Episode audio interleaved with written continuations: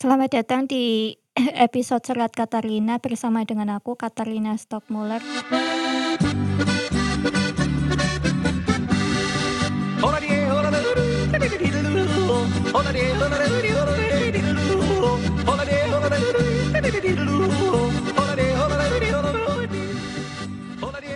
Jadi uh, di episode Serat Katarina hari ini tuh aku mau ngomongin soal mungkin soal kehidupanku pertama kali di Sewon kayak gimana ya. Mungkin jauh dari bayangan orang-orang. Jadi ya akhir-akhir ini tuh teman-teman bapak yang udah sepuh tuh pada ya mulai meninggalkan kesenangan-kesenangan duniawi gitu loh. Kayak misalnya ada salah satu temennya bapak itu jadi beliau ini pernah kerja di Swiss Airlines. Ya gitulah. Ya dia jadi kok kokinya di pesawat itu. Jadi kayak ya semasa mudanya sudah pasti dia kayak ya keliling dunia ke mana-mana gitu. Terus mungkin ya dia mulai risih akan uh, harta benda duniawinya itu. Jadi dia itu memutuskan ya buat menjual semua harta-hartanya dia gitu. Mungkin kalau orang ada di fase-fase yang udah apa ya, udah bosen mungkin ya sama kesenangan duniawi. Ya udah kayak apa sih hidup ini? Apa sih yang aku cari? Mungkin ya akhirnya ya udah sih hidup seadanya gitu. Jadi dulu tuh temennya bapak ini tuh punya ya mobil-mobil kayak BMW keluaran ya keluaran terbaru. Terus habis tuh ya mobilnya itu dijual semua. Terus diganti sama mobil Jeep yang keluar keluarannya tuh mungkin udah bukan Jeep-Jeep yang gede juga sih, Jeep yang kecil gitu loh. Aku lupa nama mereknya. Jadi mobilnya itu udah keluaran tahun tahun berapa ya 90-an lah kayak gitu kan udah udah tua banget ya. Terus ya tiba-tiba itu mobilnya dicat ulang pakai warna putih. Terus ada gambar stiker sapi pakai wajah yang meringis gede. Jadi kalau misalnya kalian kayak lagi uh, pergi ke mana gitu terus ngelihat ada uh, mobil kayak jeep warnanya putih terus ada stiker sapi di situ yang lagi meringis nah itu mobil temennya bapak ya jadi ya mungkin karena beliau itu merindukan kampung halamannya ya mungkin karena dia pasang uh, gambar sapi ya karena mungkin pengen angon sapi nih kono paling ya Terus ya aku mulai merenung gitu ya, uh, Bapak kalau udah sepuh bakal ikutan kayak gitu enggak ya? Atau mungkin sebaliknya gitu? Kayaknya ya, selama ini bapakku nggak pernah menikmati kesenangan duniawi ya. Kayaknya bapakku tuh udah satu langkah lebih maju dibanding sama temen-temennya ya. Jadi kayak semenjak aku lahir itu kayak orang tuaku tuh mulai berhenti buat traveling gitu, termasuk bapak. Jadi uh, yang dilakuin bapak adalah berhemat sehemat mungkin. Wah, bu, hemat banget. Kadang aku ya suka jengkel gitu loh. Apa-apa dikon perbaiki gitu. Padahal ya rusak, ngopo ra tuku anyar ngono loh, tapi mesti dikon perbaiki, perbaiki, perbaiki, ya ampun. Masih mending ya kalau barang yang diperbaiki itu uh, jadi bagus. Kadang tuh bisa fungsinya tuh hilang gitu loh jadi barang yang aneh apa ya dulu bapakku tuh pernah memperbaiki apa gitu wah oh, oh, jadi aneh banget kok malah jadi rusak jadi uh, dari bapakku mungkin dari aku lahir bapakku tuh sukanya tuh pakai pakaian bekasnya dari Pak D sama Pak Lekku yang suka ngoleksi barang-barang branded gitu jadi ya baju-bajunya juga bagus ya, padahal itu ya bekas juga sih, tapi bagus gitu. Terus ya, waktu orang tua aku di Austria juga kebanyakan yang dibeli itu barang-barang yang second gitu. Mungkin ya belinya di Klitian gitu. Iya, di Austria juga ada Klitian, kayak di sini. Terus ya ibuku suka itu ya dulu tuh beli, apa ya, boneka-boneka yang boneka-boneka itu yang kayak apa itu namanya, yang kayak Annabelle tuh loh, yang porselen-porselen kayak gitu, medeni kok ning omahe. Ya, gitu. Jadi aku rasa juga keputusan bapak buat tinggal di Sewon itu, untuk meninggalkan kesenangan kesenangan-kesenangan duniawinya. Kenapa? Ya, bayangin aja deh, Sewon 25 tahun yang lalu itu seperti apa gitu gambarannya. Ya banyak, apa ya, binatang-binatang buas gitu ya, bukan buas yang kayak kayak itu, beruang, tapi yang kayak bangsane kayak sejenis uloy loh. Kayak ada ular weling, piton, kobra, mbok pating keclek ning endi-endi. Ya bener-bener kayak Sewon dulu tuh kayak habis membabat alas tuh loh. Ya emang hiperbola sih aku, tapi ya ya kayak gitulah, belum banyak rumah gitu intinya.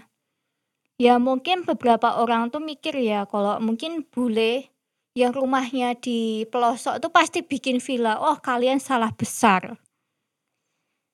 Jadi kayak, apa ya, di bayangan kalian pasti kayak rumahnya itu pasti penuh dengan barang-barang yang serba wah, modern gitu. Tapi coba deh mungkin kalau kalian flashback terus kalian melihat rumahku di tahun 2000-an awal kayak gimana. Ya ampun. Ya bener-bener sederhana. Jadi rumahku waktu awal-awal itu ya belum ada, apa ya, belum ada lantainya, masih tanah gitu loh. Terus termasuk pagar yang di rumahku juga itu bentuknya dari bambu yang kayak ditendang aja tuh langsung ambrol gitu loh. Bahkan aku dulu itu harus nimba buat mandi.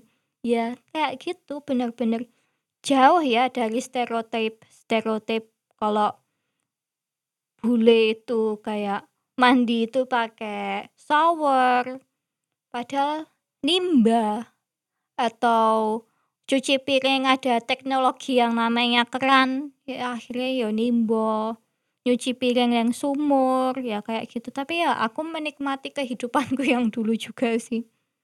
Ya, gimana ya, ini aku beneran nggak bohong gitu loh. Waktu bapak belum pasang sanyo ya aku nimba gitu, bahkan aku nyirami juga nimba gitu. Ya rekoso gitu loh, nyirami latar nimba terus ki ya suwe-suwe kesel, penak nyirami nganggo selang toh. Terus ya dapurku di Sewon juga dulu ya sederhana gitu ya. Dulu juga kompornya bukan pakai kompor listrik. Jadi kayak, apa ya, aku ngerasa kehidupanku yang di dulu yang di Austria sama yang di Sewon tuh bener-bener jungkir balik gitu. Jadi dulu aku, eee, kayak, apa ya, kayak masak tuh ya pakai kompor listrik gitu loh. Kalau di Sewon aku dulu masaknya pakai kompor yang dari minyak tanah itu loh yang ada sumbunya. Sekarang udah nggak ada minyak tanah lagi ya, udah langka. Aku inget dulu aku kayak pengen mandi ya, emang aku manja ya, jadi mandi itu harus pakai air anget, jadi aku nggodok banyu gitu. Itu tuh lama banget tuh loh matangnya mungkin sejam ada, kok sekarang tinggal pakai kompor gas paling ya 10 menit udah jadi. Terus ya gara-gara itu dapurku bisa ilang tunteng gitu. Terus ya waktu aku masih kecil tuh PLN tuh rese banget ya, bener-bener rese banget itu. Jadi kayak hampir tiap sore itu mungkin seminggu tuh bisa 5 kali mati lampu di sana, padahal PLN sama rumahku tuh nggak begitu jauh gitu. Jadi ya tiap hari tuh, ya nyalain itu lampu lampu minyak nenggak Petromax itu udah biasa sampai ya ya rumahnya catnya jadi iteng tunteng kayak gitu ya karena kena itu. Jadi juga waktu aku masih kecil juga kendaraan yang aku pakai sehari-hari itu pit ontel gitu. Bukan motor, bukan mobil. Jadi biasanya tuh aku didudukin di bangku pit ontelnya bapakku gitu yang yang dari rotan gitu. Terus ya kalau misalnya, eee, mau main ke kota nih, ya naik bis gitu. Terus ya harus jalan lumayan ya ke ring road dulu buat nyegat bis. Ya, kayak gitu. Terus ya, aku inget mas-mas kernet busnya tuh waktu itu bener-bener hospitality-nya itu kurang banget ya. Aku sering dibentak-bentak waktu naik, soalnya aku nggak bisa cepet-cepet gitu loh. Lah, gimana ya, badanku aja kecil waktu itu, unda-undaannya tuh gede gitu. Terus ya, orang tua aku tuh juga dua-duanya tuh nggak mau gendong aku gitu. Pasti diharusin jalan sendiri, harus mandiri gitu. Ya akhirnya dibentak-bentak kon, "Gek cepet gek cepet!" kayak gitu, galak banget. Terus mungkin karena ke mana mana kita harus naik bis, terus naik bis itu kan ya terbatas juga ya jamnya, akhirnya mungkin bapak ngerasa repot gitu ya. Terus ya akhirnya beli itu motor ya Honda Astrea itu. Itu aja bukan yang baru anjir. Yang dibeli itu mungkin bekas yang ketiga atau yang keempat deh. Pokoknya jauh dari kata second. Aku nggak tahu ya dari dulu bapakku tuh nggak suka beli barang-barang baru gitu loh. Terus ya gimana ya, ya apa ya, ya ada perubahannya dikit ya. Paling enggak tuh kami bisa merasakan sekatenan gitu di kota. Ya selama ini mungkin kita mau sekatenan aja susah ya soalnya nggak ada bis. Paling sekatenan tuh ya beli martabak itu siang-siang. Masuk ya sekatenan siang-siang gitu ya gara-gara eh motornya ini aku bisa ngerasain sekatenan gitu malam-malam. Terus ya zaman aku SD, aku kan SD di kota, weh. Terus ya itu naik Honda itu diantar sama bapak, biasanya aku pulang sekolah tuh motornya mati. Terus biasanya itu aku tuh ngikut dorong motor di alun-alun utara. Jadi kalau kalian pernah ngeliat eee, ada anak pakai baju seragam merah putih, terus ada bule gitu, pakai helm proyek, lagi dorong motor. Nah, itu aku sama bapakku dulu. Di daerah alun-alun utara tuh sering banget motornya mati. Jadi ya gimana, terus habis itu ya gimana ya, eee, tiap kali kayak aku pengen beli barang-barang baru gitu, terus habis itu pasti itu disuruh perbaiki, terus masih bapak tuh protes gitu, "Gonta-ganti gonta-ganti wae DT sapa, rusak ya gari dibenakke toh, nggak langsung tuku anyar," gitu. Terus aku ya mungkin yang aku dapetin dari pembelajaran hidupku yang dikasih sama bapak itu, ya mungkin aku udah dididik hidup ya sederhana waktu di Sewon. Mungkin itu yang nggak aku dapatkan kalau aku tinggal di Austria ya. Ya bener-bener beda sih waktu aku kecil di Austria sama di Sewon ya bener-bener Sewon bener-bener ngajarin aku buat hidup sederhana. Lah waktu kuliah aja tuh aku ngerasa kayak orang kampung ya.